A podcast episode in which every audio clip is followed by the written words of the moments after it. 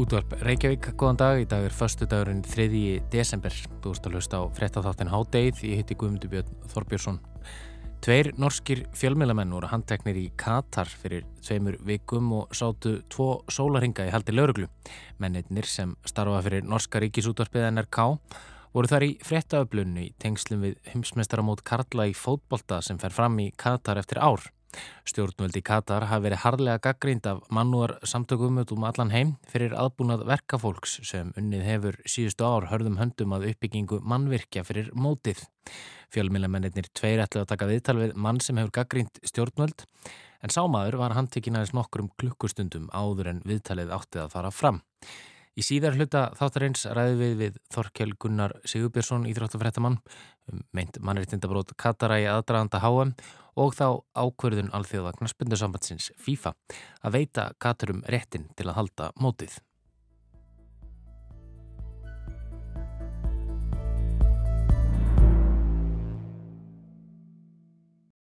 En við byrjum hér heima. Íslendingar hafa rifist um mannanöfn alla tíð og við sjáum reglulega fréttir um nöfn sem svo kulluð mannanöfna nefnd, hafnar eða samþykir. En hvenar fóru við að sittja á fót sérstakar nefnd sem ræður því hvað þú heitir og týðkast þetta einhver staðar annar staðar en hér á landi? Hver er í mannanöfna nefnd og eftir hvaða reglum starfar hún? Það er förstu dagur og þá er komið að örskýringum, hingaður komin Alli Fannar Bjarkarsson, velkomin Alli. Já, takk fyrir það. Við ætlum að skoða þetta fyrirbæri mannanafna nefndi örskýringu dagsins í dag en það mætti segja jú, að örskýring sé nýjirði og við ættum kannski að leita samþykis fyrir því hjá sérstakri efnisflokkanemnd eða hvað? Já, kannski fjölmjölunemnd getur verið með svona efnisflokkanemnd undir eða svona ákveða efnisflokka og nafna þáttum til dæmis. Mm -hmm. Ef við ætlum að fylgja allavega þeim já, ströngu standardum sem að, eða skilirðum ásaki, sem að mannanafna nefnd hefur sett. Einmitt. En segð mér aðeins frá, frá mannarnafnanemnd, hvaðan, hvaðan kemur þetta fyrirbæri og hvert er hluturkannar? Já, einmitt, þetta er, það var svolítið gaman að skoða þetta. Þegar ég fer að gera þessar, að skrifa þessu öskringar, þá fer ég litt á tímarit.is og svona að skoða svona hvernig við verum fyrst farin að sjá að hvernig svona hutök og fyrirbæri og svoleiðis. Og þetta er auðvitað bara eldgamalt og þarna fyrsta mannarnafnanemndin var skipuð árið 1914 þegar, þegar ný lög og mannar tóku gildi á Íslandi og þá voru þrý kallar sem skipuðu nefndina og En fyrir það voru yngar hömlur á mannanöfnum á Íslandi, þannig að við vorum talsveit svona frjálslindari í þessu, þessu svona á, á, hana, á 19. öld. En, hana, en með lögunum vildi alltingi koma einhvers konar böndum á nafngifti landsmanna og, og í greinagerð með frumarfið lagana var talað um að þetta komi í veg fyrir að börnum er gefinn sko neykslanleg og rángmyndu nöfn á borfið Kristjúlia, Katriníus og Samuelína. Mm. En lögin áttu, áttu líka að gerða fyrir mjög umdelda tískubilgju á þessum tíma en já, ættanöfnum hafi fjölgað svo mikið að mörgum þótti bara nóg komið. Upptakana ættanöfna hófstegar efna meir Íslandika fór til náms í köpen og, og kynntust hefðunum þar. Já, fór að taka um nöfni eins og, og Vítalín og Tórarinsen og... Já, já, einmitt. Kenna sig, kenna sig við bæi og, og svona latínu skjóta föðunöfninu. Einmitt og það, þetta var mjög umdilt. Það var alveg bara, ég, ég skoðaði svona blöð þarna upp úr, úr aldamótum og það var mikið svona dilt um þetta, það voru leiðarar í blöðum og þetta var svona eiginlega, þetta var þótti svona eiginlega sama vandamál og bara svona sjónvarp og tölvuleikir í dag. Þetta var bara að fara að rústa tungumálunum. Já, já. En í fyrstu mannanabna lögunum var kveðið á um að það mætti taka upp upp en það þurfti að borga fyrir það. Mm. Þurfti líka að borga fyrir að festa sér ættanafn sem var í norkun og þetta var rándýrt. Það kostiði 2 krónur að festa ættanafn og 10 krónur að fá nýtt ættanafn samþygt. Þannig að það síndi sig kannski mjög snemma þetta var svona kannski á, á, ekki að færi allra að, að taka upp, upp ættanafn. Þannig að fyrstum sinn veriðist mannanafna nefnd hafa verið svolítið fókusauðuð á, á ættanum. Já, svona lögin. Sko, nefndin var kannski ekki alveg endilega vast þessu, ég er að, þetta er smá útudur. Já. En svona, en nefnd, lögin svona voru svolítið mikið, það var, voru átt að gera fyrir þetta en svo auðvitað líka að stöða skrítinu upp sem, sem nefndin í dag verist eiga að gera. Emitt, emitt. En svo var það árið 1925 sem var reynda að banna fólki að taka upp ættanöfn en, en þau lög bara virkuð ekkert en þess að fólk fór ekki eftir þeim og það var svo ekki fyrir 1991 sem var bannað bara með lögum að, að taka upp nýja í nýjum svona uppfæðan lögum og þetta er búið að vera mjög svona skemmtilegt þrætuefli Já, bara mjög lengi greinlega eins og ég var að tala um á hann að það eru næstu 100 ára gamla heimildur um Íslandíka að ríðast á nættanöfn mm -hmm. og svo náttúrulega bara í nútímanum þá hafa deilunar haldri áfram og við munum eftir Bárður Jóns Gnar fyrir að fá að taka upp Gnar sem ættanöfn hann er mitt svona eftir langa og stranga baráttu við þjóðskrá kannski ekki við mitt við mannanannan enn sem slíka þá tókst honum að snúa kerfi og tók upp ættanöfni Gnar með því að taka það upp í Texas í bandaríkunum Já, og, og skráða svo henni heima og þjóðskráða gæti ekkert komið í veg fyrir að maður sem hefur búin að skrá nafn erlendis myndi skráða hérna í íslenska skrá Einmitt. En ef við, ef við ekki með aftur að, að sjálfur mannanafna nefndinni, hvernig svona já, undir hvaða reglum starfar hún í dag og hvernig er fyrirkomla hennar í dag?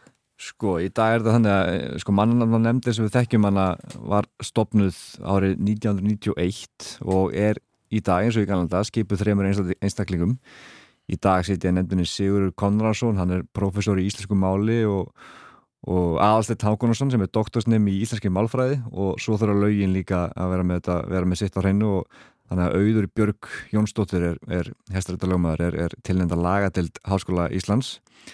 En mannanarna nefnd sko framfylgir lögum um mannanöfn sem og sker úr um, í álutefnum og ákveðinsefnum um nöfn samkvæð þeim lögum. Og það er ekki hægt að skjóta úrskurðum mannanarna nefndar til aðra stjórnvalds þannig hún er, hún er mjög valdamikil.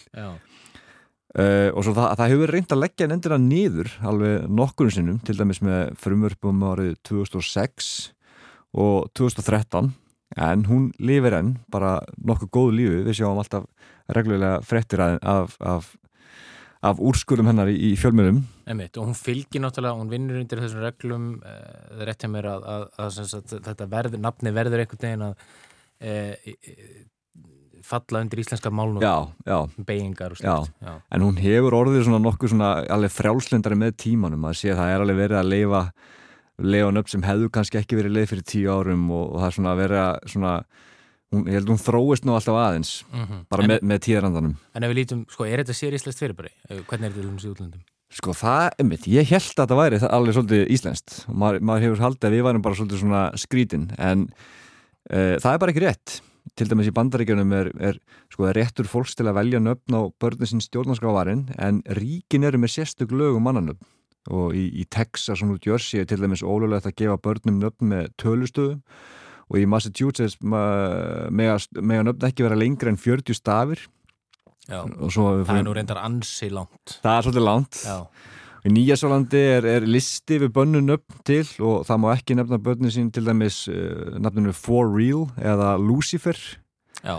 og íslenska mannananna nefndin hefur til dæmis hafnað Lucifer oftar en einu sinni Einmitt. og í Svíþjóð hefur verið bannað að nefna nöfnin sín uh, til dæmis Metallica, Superman, Elvis og IKEA mátt ekki heita IKEA í, í, í Svíþjóð Já. og í Þísklandi hefur fólki verið bannað að nefna börnun sín Osama Bin Laden og Adolf Hitler Já, eðlilega kannski. Já. Ég, man ekki, þú erum ekki að fara með það. Mér finnst það eins og Elvis hafi verið samþygt á Íslandi. Já. Ég held þessi réttið þér. En við göngum nú samt svolítið svona langt í þessu hérna, hérna Við gerum það og þetta er alveg einmitt Það fara náttúrulega bara öllum upp fyrir nefndina og þetta er, er, er vel stránt og við göngum ennþá lengra og við erum náttúrulega með starfandi hestanafnanend sem á þar að leggja blessum sína hefur nöfn Rossa Já. Og ég veit ekki til þess að það hefur tíðskast út í heimi. Nei, einmitt, við komumst ekki lengra í byli, takk fyrir komin allar fannar og hverju veitum að við tökum einhvern tíðan fyrir hestanafna nefnd í örskýringu vikunar. Endilega.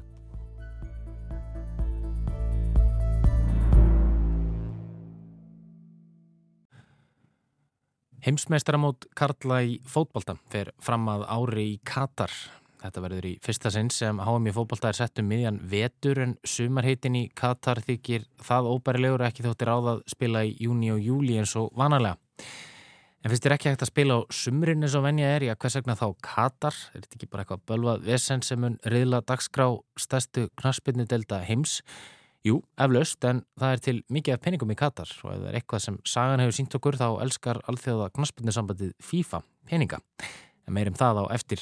Stjórnvöldi Katar hafa lengið leiðindur ámæli frá mannreitindarsamtökum fyrir slæma meðferð á verkafólki í landinu sem unnið hefur síðustu ár hörðum höndum að uppbyggingu mannvirkja. Til að mynda þarf að reysa minnstakosti átta fókbaltafelli sem standast þær kröfur sem gerðar eru til heimsmeistaramóts en það hafa Katarar litla knaspinnu sögu.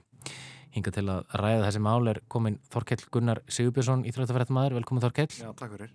Skulum byrja á að tala um frétt sem við heyrðum á dögurum, þá voru tveir norskir fjölmjölamenn handteknir í Katar við sín störf. Um hvað snýrist það mál?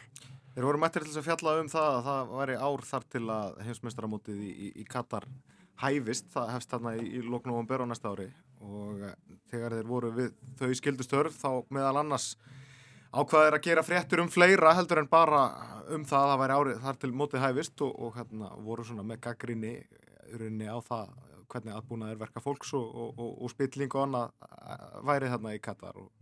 Og þegar þeir voru að fara úr landinu þá voru þeir bara handteknir hennilega og hérna hendi í, í, í fangelsi.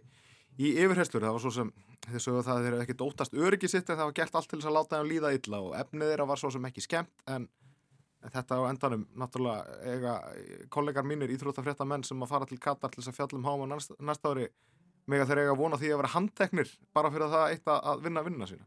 Emmitt, þetta er náttúrulega mjög alvarlegt mál og, og, og, og þetta tengist náttúrulega þessum, þessum fréttum sem við höfum verið að heyra undanfærna ára af já, mjög slæmum aðbúnaði verkafólks í, í tengslu við þetta hensmestramót og það er, það er svolítið, stjórnum það var beitt í að verka fólk já, bara miklu mannreitnindum Já, já, þau búa uh, mjög mörg saman litlum íbúðum með hérna, lélega aðstöðu og, og, og bara sofa okkur um um, um dýnum á gólfinu og og það er sko til nóga peningum í Katar eins og minnist á aðan en, mm. en því er ekki alveg verið að eigða því fyrir í, í þetta verkafólk sko. Einmitt og maður hefur séð fréttir að þarna, þarna séu komin sko verkamenn frá Pakistan og Índlandi og, og vegabrefin eru jæfnvel tekin að þeim uh, og þau komast ekki burt sko fyrir en þau eru búin að vinna upp þetta er, þetta er svona system það sem að sko vinnuveitandin í rauninni greiðir fyrir eh, ferðalagðitt til Katar eh, borga fyrir því gistingu eða eitthvað þannig þú skrifur undir eitthvað samning og, og svo er sko ekki vinnandi vegu fyrir því að, að vinna upp þessa skuld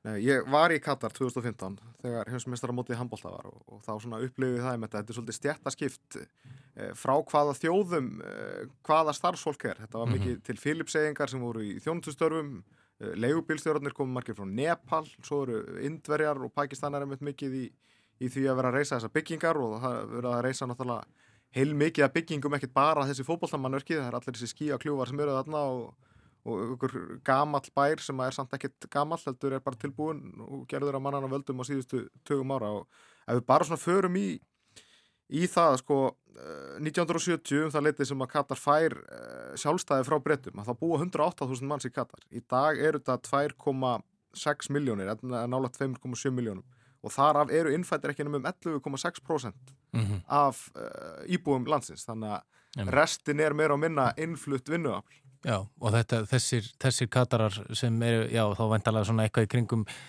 Eh, svipaðan íbúið að vera á Íslandi Já, 430.000 eh, Já, og þau náttúrulega tilheyra sko, meir og minna já, eru, eru meir og minna á framfæri ríkisins. Um, en þá er kannski verðt að spyrja Þorkell, já, hvernig óskupunum kemur það til að ríki sem, að, sem að hefur á ekki ríka og, og góða fókbaltasögu um, það er að halda heimsmestrar mútið fókbalta og ríki sem í ofanlega er umdelt og römbur veitni Mútur Það eru mútur. Það er bara, bara skjálfest, það er meina, búið að vera máli gangi innan FIFA núna í, í, í þó nokkur ár. Þetta var ákveð með mjög löngum fyrirvara að, að heimsmeistarmótin 18 og 22 eruðu haldinni í Rúslandi og Katar og, og fyrsta sinn sem að tveimur mótum var útlutað á sama tíma.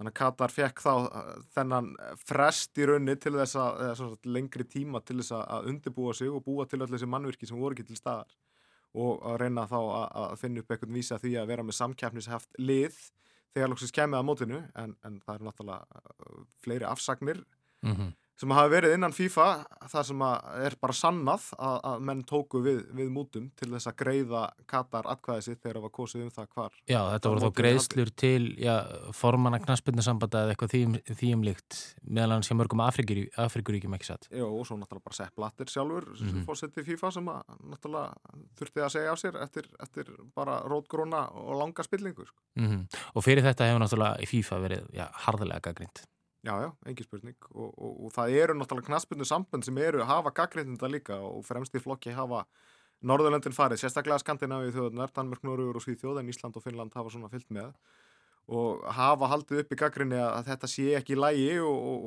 og fjölmilar frá þessu ríkjum eins og til dæmis Núri, fyrst að þeir voru nú handteknir hægt núti, hafa verið að benda þetta og rauninni bara áður en undan keppnin hóst fyrir HM var verið að spyrja spurningana ætlum við að fara á mótið ef við komumst ánga mm -hmm. og niðurstaðan hefur nú verið svo að, að, að þessar þjóðir sem eru ósattar ef það er komast inn á mótið að þá fariður og keppi en ætli þá að reyna að nýta þann vettfang á þann veg að, að halda uppi ykkur um mótmælum hvort sem að þau eru tákgræn eða, eða hvernig sem þau verða mm -hmm. Telur líklegt að einhverjir íþróttamenn já, muni taka ákvörðunum að einhverju knaspinu menn muni einfallega taka ákvörðunum að maður keppa ekki? Nei, ég held að það sé útloka bara hreinlega því þetta er HM HM er bara fjórar á fresti mm.